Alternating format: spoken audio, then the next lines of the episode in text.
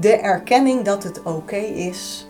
Dat je even mag zuchten over, oh ja, vier keer per week altijd huiswerk doen, elke week naar die logopedie. Dat dat ook even mag.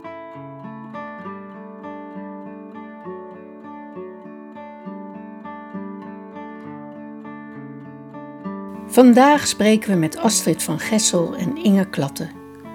Astrid is moeder van twee zoons met een taalontwikkelingsstoornis. Inge was logopedist en is nu onderzoeker. Ze onderzoekt de samenwerking tussen logopedisten en ouders en zo kennen Astrid en Inge elkaar. We gaan met hen over de samenwerking tussen ouders en logopedisten in gesprek. Wat hebben ouders nodig en hoe kunnen logopedisten ouders steunen? Wat is de relatie met levend verlies? Welkom bij aflevering 38 van de podcastserie Levend Verlies. Ik ben Edith Raap. Ik geef les in ouderbegeleiding aan de Hogeschool Utrecht en doe promotieonderzoek naar levend verlies. Ik ben Minke Verdonk. Ik ben moeder van een zoon met een lichamelijke beperking en ouderbegeleider. En ik ben Irene Sies. Onder de naam Gewoon Irene blog ik over de alledaagse dingen in mijn leven als moeder van vier kinderen. We maken samen een podcast over levend verlies. We voeren gesprekken met ouders, naasten en zorgverleners. Levend verlies. Steeds terugkerende gevoelens van verlies, verdriet en rouw van ouders met een kind met een beperking of chronische aandoening.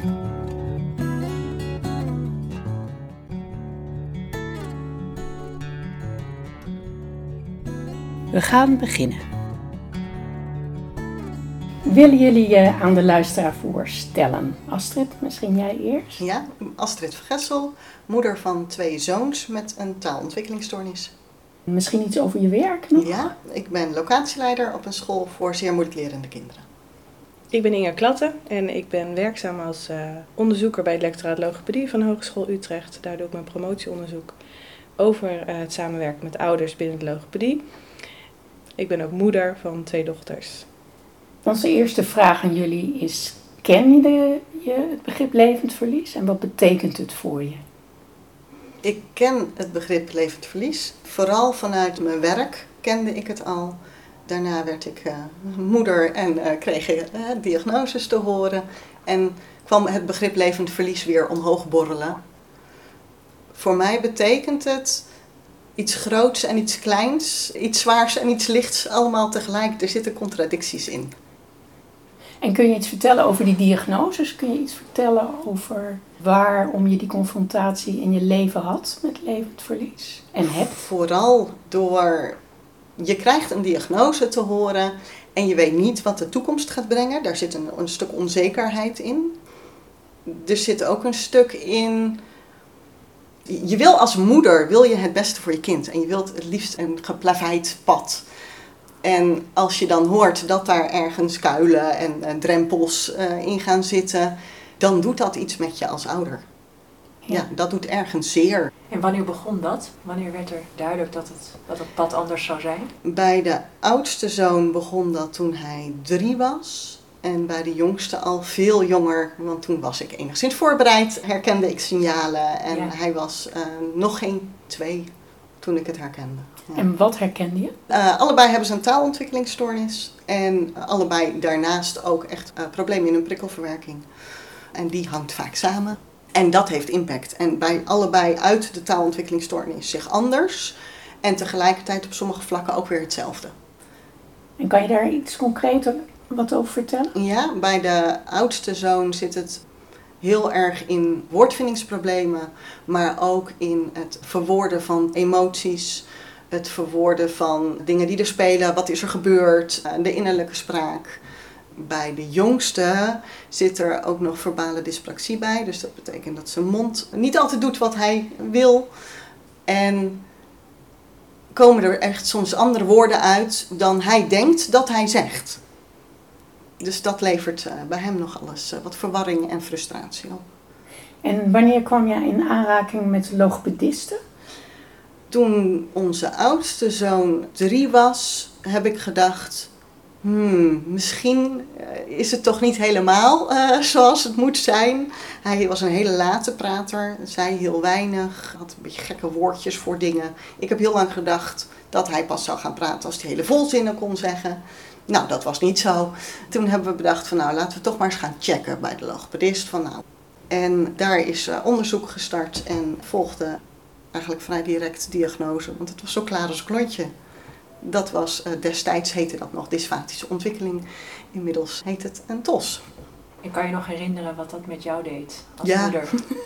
precies. Dat zijn de momenten die je niet vergeet. Ik kreeg de diagnose uh, vrij nou, kort door de bocht.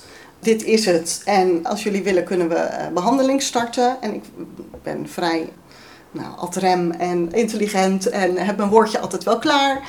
En ik klapte op dat moment volledig dicht, ben daar weggelopen, stapte in de auto en dacht, wat heb ik eigenlijk gehoord? Toen ben ik het maar eens gaan googlen en toen kwam de klap binnen dat ik dacht, oh, maar dit betekent iets voor de rest van zijn leven. Ik kan het hele moment terughalen. Als ik aan dat moment, nou, als ik daar te diep over nadenk, dan voel je die emotie weer. En daar zit het levende verlies.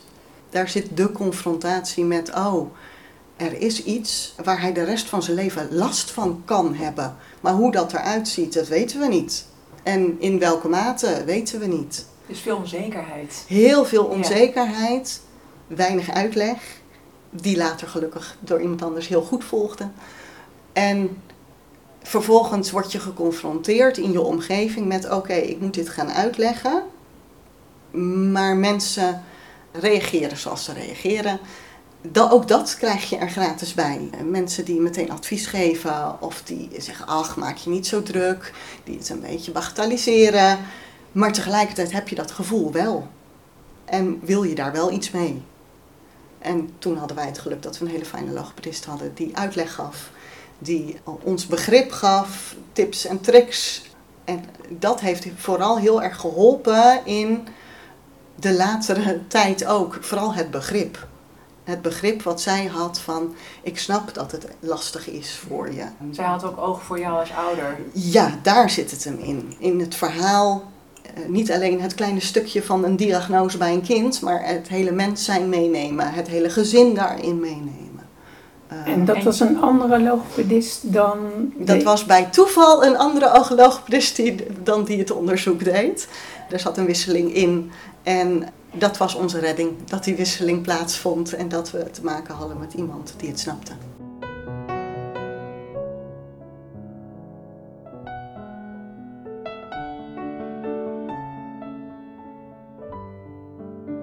Jij bent mee gaan doen met het onderzoek van Inge, zeg ik maar even. En dat gaat over samenwerken met ouders. Heeft jouw ervaring met deze eerste fase, heeft, heeft die daarmee te maken? Of wat was de reden dat je bent mee gaan doen? Dat is denk ik de oorsprong van uh, het meedoen.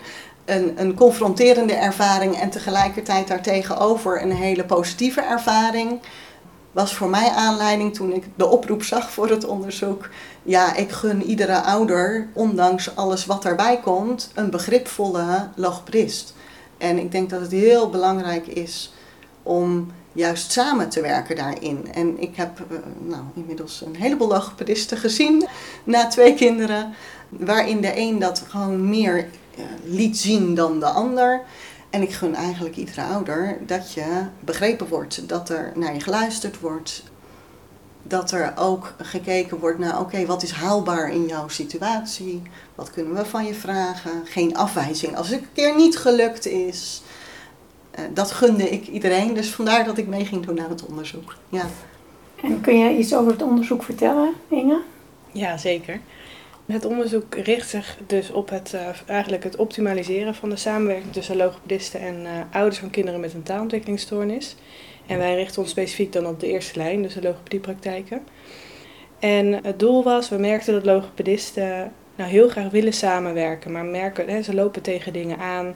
Ofwel dat, uh, dat ze geen ingang vinden bij ouders. Het vaak ook wel verklaren als de ouders willen niet of kunnen niet. En bij ouders hoorden we tegelijkertijd nou ook die mismatch eigenlijk terugkomen. En samen met de logopedisten en ouders zijn we toen vervolgens gaan kijken van, nou wat kunnen we daarin veranderen? Hoe kunnen we zorgen dat die samenwerking daarin meer uh, tot stand komt. En daar zijn we heel breed in gaan kijken. En het kon nog van alles, uh, alle kanten op gaan. Maar door de gesprekken met de ouders en de logopedisten kwamen we al vrij vlot eigenlijk op dat stukje het in gesprek gaan met elkaar. En vooral ook voor logopedisten vragen naar de zorgen van ouders, naar de prioriteiten van ouders, naar de wensen. Maar ook naar um, alles wat ze al hebben gedaan. En want, want waar waren ze toe geneigd? Ze waren geneigd om eigenlijk snel over het kind te praten. Wat heeft het kind nodig? En hun eigen expertise uh, te laten zien en het kind te behandelen. Gericht op de taalontwikkeling. Logopedisten voelen zich ook opgeleid en zijn ook opgeleid om die taalontwikkeling te ondersteunen. Alleen waar we weinig opgeleid in zijn, is hoe werk je samen met ouders. En uh, je ziet dus eigenlijk het verschil tussen kindgericht werken en het gezinsgericht werken, waar wij eigenlijk heel graag naartoe willen. En wat kwam er uit het onderzoek? Even samengevat. We zijn heel veel in gesprek gegaan met ouders en met logopedisten, dus daar komt ontzettend veel informatie uit. Waar wij ons eh, op zijn gaan richten is dat je merkt, dus hè, waar ik net ook over had, is dat logopedisten eigenlijk hun rol als therapeut omschrijven van ik moet met het kind aan de slag. Ik heb ook niet zeeën van tijd en ik wil dan ook die tijd zo prioriteren dat ik zo goed mogelijk het kind kan ondersteunen. Nou, wij dachten, kijk, die manier van denken moet eigenlijk wat anders. Het kind niet loszien van ouders, het kind komt met het gezin en het kind gaat ook door met het gezin. Als logopedist ben je daar maar even bij. En het zou mooi zijn als je als logopedist die ouders kan ondersteunen om het thuis ook te kunnen doen. Om, het, om met vertrouwen hun kind ja, te ondersteunen in het participeren in het dagelijks leven. Dus wij hebben ons heel erg gericht op hoe kunnen we nou logopedisten ondersteunen dat zij op een andere manier naar de cliënt, dus de kind en ouders gaan kijken. Ja, dus we hebben eigenlijk een toolbox ontwikkeld gericht op uh, een stukje reflectie van wat is nou mijn professionele rol. En kun je iets zeggen over levend verlies? Was jij bekend met het begrip en terugkijkend in jouw werk als logopedist, denk je van goh, dat herken ik nog? Nee, ik was eigenlijk totaal niet bekend met de term. Ik heb hem niet in mijn opleiding gehad, maar ik kwam hem ook niet tegen. En het speelde ook niet bij mij, merk ik. Dus ik was ook een logopedist die nou, werkte met het kind en de ouders die waren daarbij. En we spraken ook voornamelijk over het kind. En toen ik onderzoek ging doen, kwam ik in gesprek met ouders en ik merkte wel dat daar ontzettend veel emotie bij, uh, bij kwam. En daar was ik ook wel van geschrokken. Ja, regelmatig ook zelf tot tranen geroerd eigenlijk. Dat ik dacht, zo, wat een impact heeft dat op gezinnen. En wat zijn eigenlijk ouders nou, overgelaten op hun eigen lot. Hè? Uh, omgeving weet eigenlijk niet wat een tos is. Nou, je krijgt adviezen zoals Astrid net ook al zei van komt wel goed, iets meer voorlezen. Nou, vaak weten eh, professionals uh, naast logopedisten ook niet precies wat er dan aan de hand is, naar wie je toe moet. Het begrip TOS is gewoon ontzettend onbekend en gelukkig komt dat steeds meer. Maar ik zag dus echt wel die, die onmacht bij ouders. Je bent net moeder geworden van een tweede dochter. Heeft jouw ouderschap iets betekend voor jouw kijk naar ouders, op, op ouders? Ik moet bekennen dat dat wel zo is. Ik had van tevoren, hè, voordat ik kinderen uh, had, had ik wel eens de opmerking uh, gehad van ouders in de behandeling. Of de vraag, heb jij kinderen? En dan dacht ik, nee, maar ik weet heus wel hoe dit moet. En nu, nu begrijp ik het wel. Ja, je kan alleen maar invoelen als je kinderen hebt. In ieder geval denk ik dat het makkelijker gaat. Want wat voel je dan nu anders? Kan je dat uitleggen? Nou ja, je bent wel heel kwetsbaar. En je bent heel gevoelig als het over je eigen kinderen gaat. En dat ervaar ik wel. Het zijn hele kleine dingetjes. Want mijn kinderen hè, die doen het hartstikke goed. Uh, maar je hoeft maar een opmerking van de buurvrouw over iets te krijgen. En dan denk je, oeh, doe ik het niet goed? Of moet ik het anders doen? Ja, daarin merk ik die kwetsbaarheid en het gevoelige stuk. En is dat ook bij ouders van kinderen met TOS dat er vaak wordt gedacht dat zij van alles moeten, anders moeten doen en dat het dan beter zal gaan met het kind. Dus dat er ook vaak een idee is, het ligt deels bij de ouders. Nou, ik denk dat we als logopedisten wel een groot beroep doen op ouders, veel van ze vragen, zonder het besef te hebben dat we daarmee misschien ook bepaalde gedachten planten bij de ouders. Daarbij denk ik ook nog wel vanuit behandeling als logopedist wil je dat er thuis aan de slag gegaan wordt. Want met veel oefenen wordt het nou ja, beter, haal je winst, eh, kan er groei ontstaan. Tegelijkertijd geeft dat onbewust wel de boodschap dat je er als ouder wel iets aan kan doen. En tegelijkertijd legt het dat bij ons ook wel eens druk op. We moeten drie keer per week oefenen. Oh, dan moeten we wel doen. En dan komen we de volgende keer bij de logopedist terug. En ja, het is dit keer niet gelukt. En dan is het cruciaal hoe reageert de logopedist daarop. Wordt het een van ja, maar als jullie thuis niet oefenen, dan gebeurt er ook niks? Of is het, ik snap dat het een keer niet gelukt is eh, in het gezin, geeft helemaal niks. Fijn dat het twee keer wel gelukt is. Volgende keer gaan we gewoon weer opnieuw proberen. Kan ik iets voor je doen om dat makkelijker te maken? Daar zit een verschil ook in wat je aan boodschap overgeeft aan de ouder. Ja, dat vind ik wel mooi dat, je, dat het gaat om onbewuste boodschappen eigenlijk, hè, die je uitzendt en waar je als ouder die gevoeligheid voor hebt. Ik denk ook wat ik net zei over het zelf ouder worden. Als in, ik heb kinderen nu. Het zit hem in dat onbewuste. Dat ik dus onbewust beter kan aanvoelen dat bepaalde dingen belangrijk zijn voor ouders. Of dat ouders bijvoorbeeld een drukke week hebben. Maar waar wij heel graag naartoe willen, dat je dingen expliciet maakt. dus ook als je geen kinderen hebt, dat je dan heel goed kan samenwerken met ouders. En dat je heel goed oog kan hebben voor het stukje levend verlies. Want ik wil dat niet tekort doen. Hè? Dat je, als je geen kinderen hebt, nou dan kan je dit niet. Want dat is absoluut niet waar. Maar omdat we dus niet expliciet aangeleerd krijgen in de opleiding, ben je nu eigenlijk een beetje afhankelijk van de onbewuste capaciteiten van de logopedist.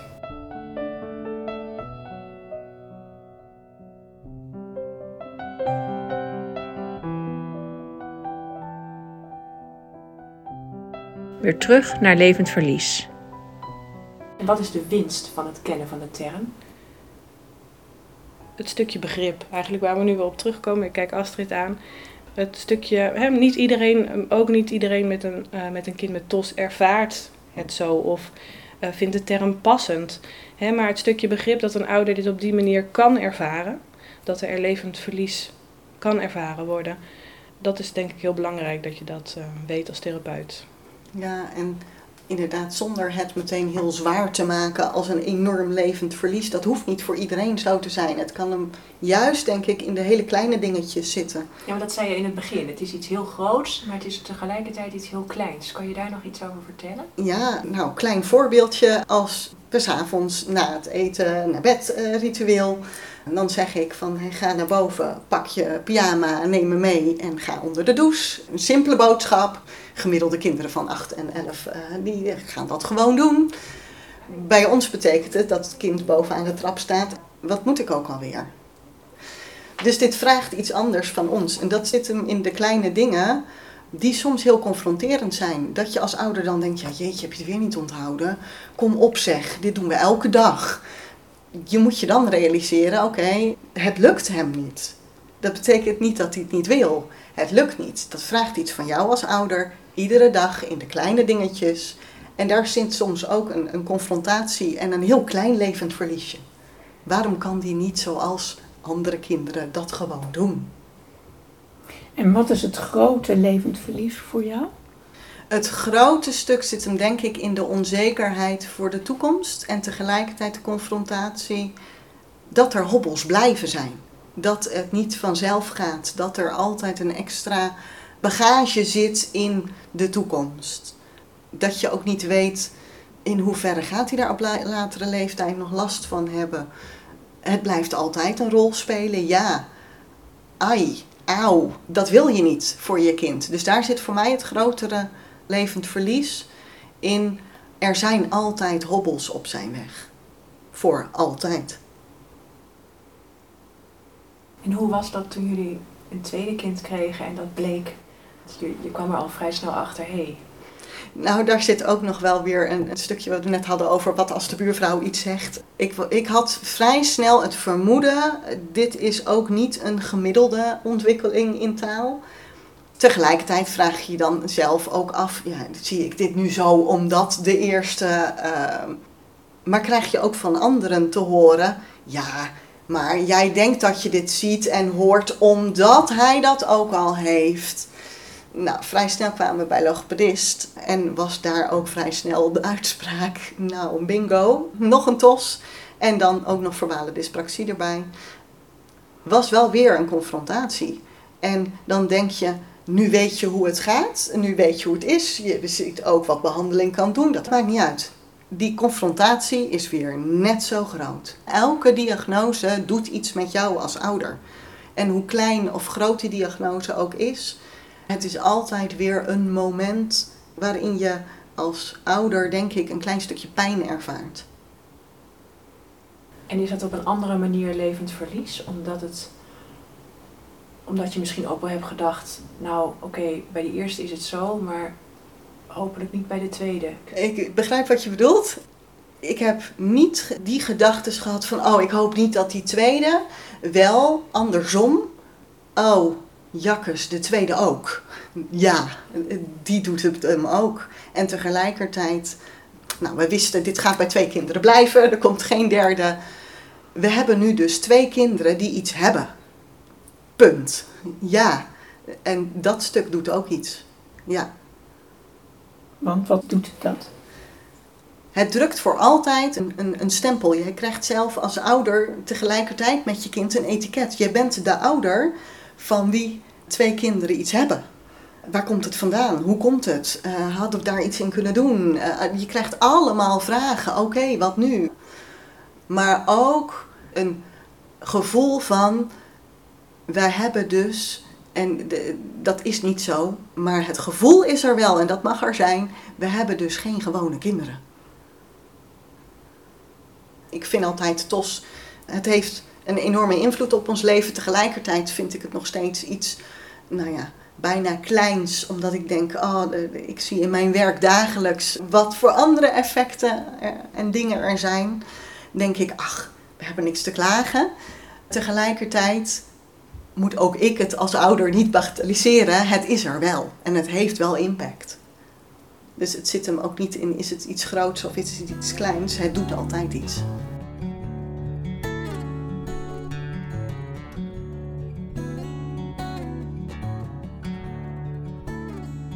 En hoe is dat met. Kijk, ik heb een zoon in een rolstoel, dus iedereen ziet van een kilometer afstand, daar is iets aan de hand. Dat is met jouw zoon, zoons niet zo. Nee. Kan en je daar nog iets over vertellen, wat dat met zich meebrengt? Ja, ehm, het eerste waar ik altijd aan moet denken is het moment uh, als ze nog klein zijn in de wachtrij bij de supermarkt, bij de kassa. Vroeger, wij wonen in een dorp en vroeger had je nog het bakje snoepjes bij de kassa. Dat als je dan bij de kassa kwam, kreeg je kind een snoepje. Mag hij een uh, snoepje? Nou, dat mag dan. En dan alle verwachtingsvolle blikken nu gaat het kind dankjewel zeggen. Maar het kind zei niks. En dan voel je de blikken naar jou als ouder. Zou je daar niet iets van zeggen? Ze hebben geen idee dat hij het niet kan zeggen. En dat het hem niet lukt op dat moment. Tegelijkertijd wil je dat niet aan de hele wereld gaan uitleggen. Heb je daar ook echt geen zin in elke keer. Maar dat doet wel iets. Het niet aan de buitenkant kunnen zien. Maar het is er wel we hebben ook wel eens gezegd, hè, bij een heleboel kinderen zie je iets aan de buitenkant. Dan weet iedereen, als die zich niet gemiddeld gedraagt, dan denkt iedereen, ach, dat hoort erbij, ach, dat is niet erg. Onze zoon ging op school, als hij het even niet aan kon, onder de tafel zitten, werd boos, eh, liep weg, haalde nog wel eens een arm of een been uit, liet zijn ongenoegen op die manier blijken, want hij kon het niet vertellen. Het lukte hem niet om er taal aan te geven als je dat niet weet, dan denk je dat het een kind is met een gedragsprobleem. De vraag is ook gesteld, heeft hij geen autisme? Willen jullie dat toch niet eens laten onderzoeken? Nou ben ik ook autisme-specialist, dus voor mij was dat wel een ding dat ik dacht, ja maar hij heeft geen autisme, dat is het echt niet. Maar ja, misschien heb ik dan als moeder toch die blinde vlek. Nou oké, om het in één keer uit de wereld te helpen, gaan we het dan toch om laten onderzoeken kwam uit, het is geen autisme, het komt voort uit die taalontwikkelingsstoornis. En toen dacht ik, waar zijn we nou eigenlijk mee bezig? En hoe is het voor jezelf dat je je toch laat overhalen, ondanks dat je specialist bent eh, in autisme, om het te laten testen? Wat doet dat met je? Ik heb daar nogal wat hoofdbrekends over gehad, inderdaad. Dat ik denk, ja, als professional weet ik prima dat dit het niet is. Maar als moeder heb je een andere rol en ga je je dan toch afvragen: zie ik het als moeder wel goed? Inderdaad, die kwetsbaarheid, eh, die, die Inge net ook al noemde, die kwetsbaarheid als ouder, die is er ook altijd. En die is er ook misschien juist wel als je tegelijkertijd als professional een heleboel kennis en kunde hebt opgedaan. En is die kwetsbaarheid misschien wel extra, omdat er vanuit de omgeving een verwachting ligt dat jij het als professional en moeder wel zou moeten weten. En wel zou moeten kunnen. Het is ook wel heel bijzonder, vind ik, dat iedereen het idee heeft heel veel te weten over taalontwikkeling bij jonge kinderen. En te kunnen inschatten of dat wel of niet gemiddeld is, of gedrag passend is, ja of nee.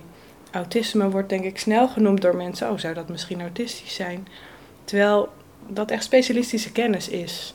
Maar toch doet dat wat met je zekerheid. Dat merk ik dus zelf als logopedist zijnde. Ik weet veel over taalontwikkelingsstoornissen, maar nu bij mijn jonge kinderen. Nou, mijn, mijn oudste dochter is 2,5, die is niet de snelste, maar nou, die ontwikkelt zich hartstikke mooi. Maar toch krijg je heel snel weer vragen van, oh, loopt ze niet achter? Ja, en dan toch ga je twijfelen. Dus dat herken ik.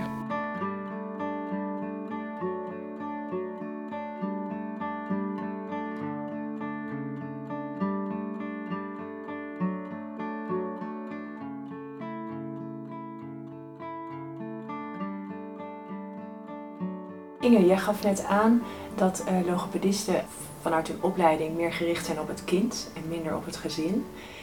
Zou het kunnen dat logopedisten het ook spannend vinden om zich meer op die ouder en die ervaring van die ouder te richten? Ja, dat denk ik zeker. Sowieso goed om. We hebben het nu over logopedisten in de eerste lijnspraktijken. Die, die richten zich vaak allround, maar zien heel veel kinderen.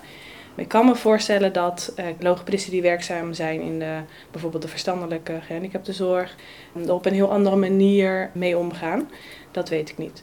Maar de logopedisten die ik heb gesproken, die geven inderdaad ook aan dat het lastig is om uh, zo'n gesprek te voeren. En je laat het inderdaad wat meer los. Dus de houvast die je hebt aan je eigen procedure, het eerste gesprek, de anamnese, de vragen die je gewend bent te stellen, gaan over het kind. Daar heb je expertise in, daar heb je ook controle over.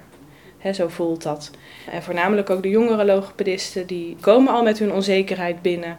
Want ik kom net kijken, dus ik hou me vast aan wat ik ken en hoe ik ben opgeleid. Dus ja, daar zit zeker ook een stuk onzekerheid, want je weet niet wat ouders zeggen. En wat ik ook wel heb teruggehoord is, straks gaan ze dingen aan mij vragen die ik helemaal niet kan bieden wat moet ik dan? Of straks gaan ze dingen vertellen en voel ik me een halve psycholoog. Maar dat is ook niet mijn functie. Dus daar zit zeker ook wel een onzekerheid in. maar met alles wat ik zeg, dat kan voor de een gelden en voor de andere niet. Wat zou je de logopedisten mee willen geven? Ja, ik zou heel graag willen meegeven, ga het doen en ervaar hoeveel het je opbrengt. En ik heb een concreet voorbeeld van een logopedist die meedeed aan het onderzoek. Die eh, belde mij heel enthousiast op van, ik heb een heel uur met een ouder gesproken. En het heeft me zo ontzettend veel opgeleverd. En dit ga ik altijd doen. En waarom deed ik het niet? Ik kan me voorstellen dat logopedisten die dit horen, die, die zeggen, nou het is een ideaal plaatje, hartstikke mooi, maar ik heb de tijd niet. En dat hebben we ook in een aantal uh, groepsgesprekken met logopedisten, daar hebben we het over gehad.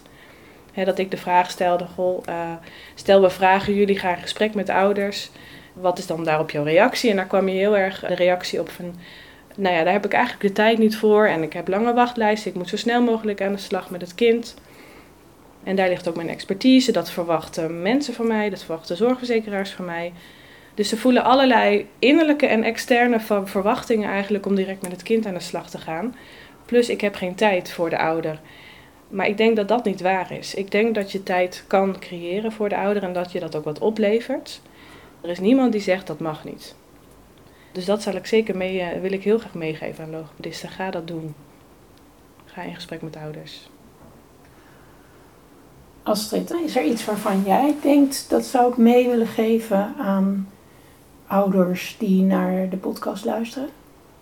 Ja, mijn intentie om mee te doen is vooral om ouders te laten weten dat het oké is met alles wat je voelt, ervaart, alles wat het met je doet, ook al is het iets heel kleins, mag er zijn.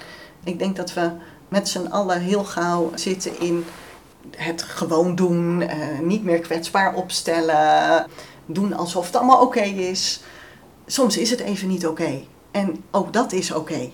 Die ruimte mag je nemen, maar het is ook goed om dat met elkaar te delen. Onze beide kinderen hebben groepslogopedie gehad en dan zaten we met een aantal ouders in de wachtkamer. En dan ontstonden juist hele mooie gesprekken over, oh ervaar jij dat ook? Oh dat heb ik niet, maar oh wat goed dat ik dat van jou hoor. Door de verhalen met elkaar te delen, heeft het voor mij de rol gekregen van het is oké dat het er is. En dat is ook mijn intentie nu. Laten we met elkaar die kwetsbaarheid delen. Ik wil nog toevoegen wat ik graag aan logopedisten wil meegeven. En dat is de vraag te stellen aan ouders: hoe is dit voor jou? Echt alleen maar die vraag. Dan open je zo'n mooi gesprek. Ik heb dat meerdere keren teruggekregen van ouders. En toen kwam ik een therapeut tegen die zei: Hoe is dat voor jou? En toen opende een wereld en kwam het gesprek. En kon die ouder kwijt wat hij kwijt wilde. Dus En- dat wil ik heel graag meegeven. Ja, en ik denk die vraag wordt veel te weinig gesteld. Dus heel fijn als die vaker gesteld wordt. Tegelijkertijd levert het antwoord je, denk ik, als logopedist ook echt iets op om mee te nemen in de behandelingen. Als je weet dat het heel zwaar valt, kun je ook afvragen in hoeverre kan ik heel veel van de ouder vragen. Dus alleen die vraag inderdaad is cruciaal.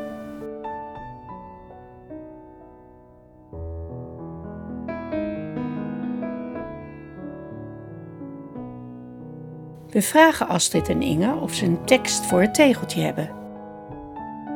Hebben jullie daarover nagedacht? Hebben jullie iets voor op het tegeltje? Inge? Ja, meedoen is winnen. En die wil ik wel uitleggen. Verlies wordt vaak groter omdat de, de omgeving ook maakt dat het- de persoon minder goed kan meedoen. Of het kind minder goed kan meedoen, kan participeren in het dagelijks leven. Nou, en dat zie je bij kinderen met een taalontwikkelingsstoornis ook. En daardoor als zij beter kunnen meedoen, dat is winnen. Maar ook het meedoen van ouders in het ondersteunen van die taalontwikkeling is ook zeker winnen. En ik denk eh, dat daardoor mogelijk het levensverlies ook minder groot eh, ervaren hoeft te worden. Ja, en daarop eigenlijk aanhakend, zonder dat we het van elkaar wisten, is mijn tegeltje: ieder mens heeft een verhaal.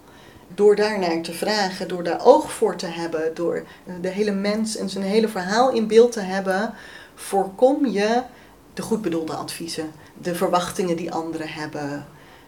En ga je veel meer met een open blik kijken, hoef je je als ouder minder in de verdediging te schieten of minder kwetsbaar op te stellen. En draagt het denk ik juist bij aan minder levend verlies.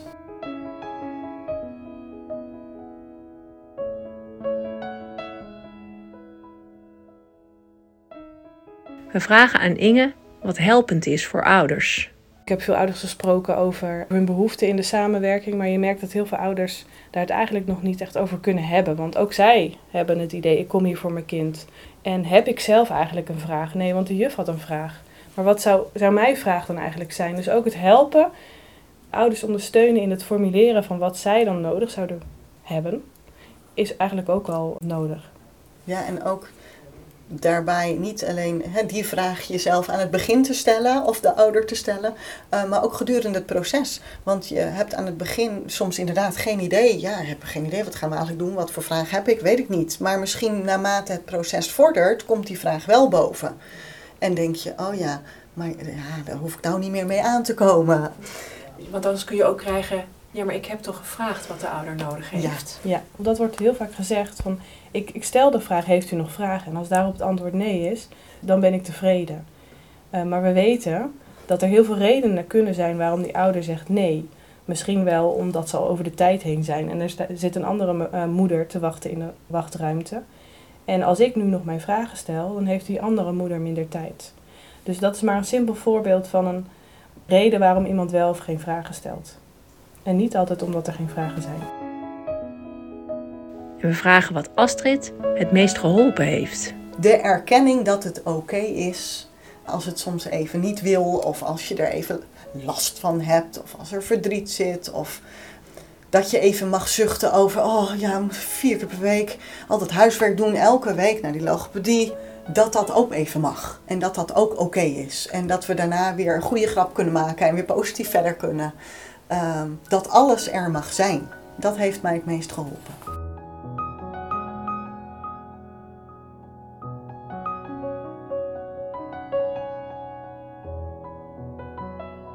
Dit waren Inge Klatte en Astrid van Gessel in de 38e aflevering van de podcastserie Levend Verlies. Volgende keer spreken we met Babette de Winkel. Babette is opgeleid aan de Universiteit van Humanistiek als geestelijk begeleider. Ze is eigenaar van Verlieskunst en houdt zich op allerlei manieren bezig met rituelen rondom verlies. We gaan met haar praten over verlieskunst bij Levend Verlies. Tot de volgende keer. Elke twee maanden op de laatste zondag van de maand een gesprek over levend verlies.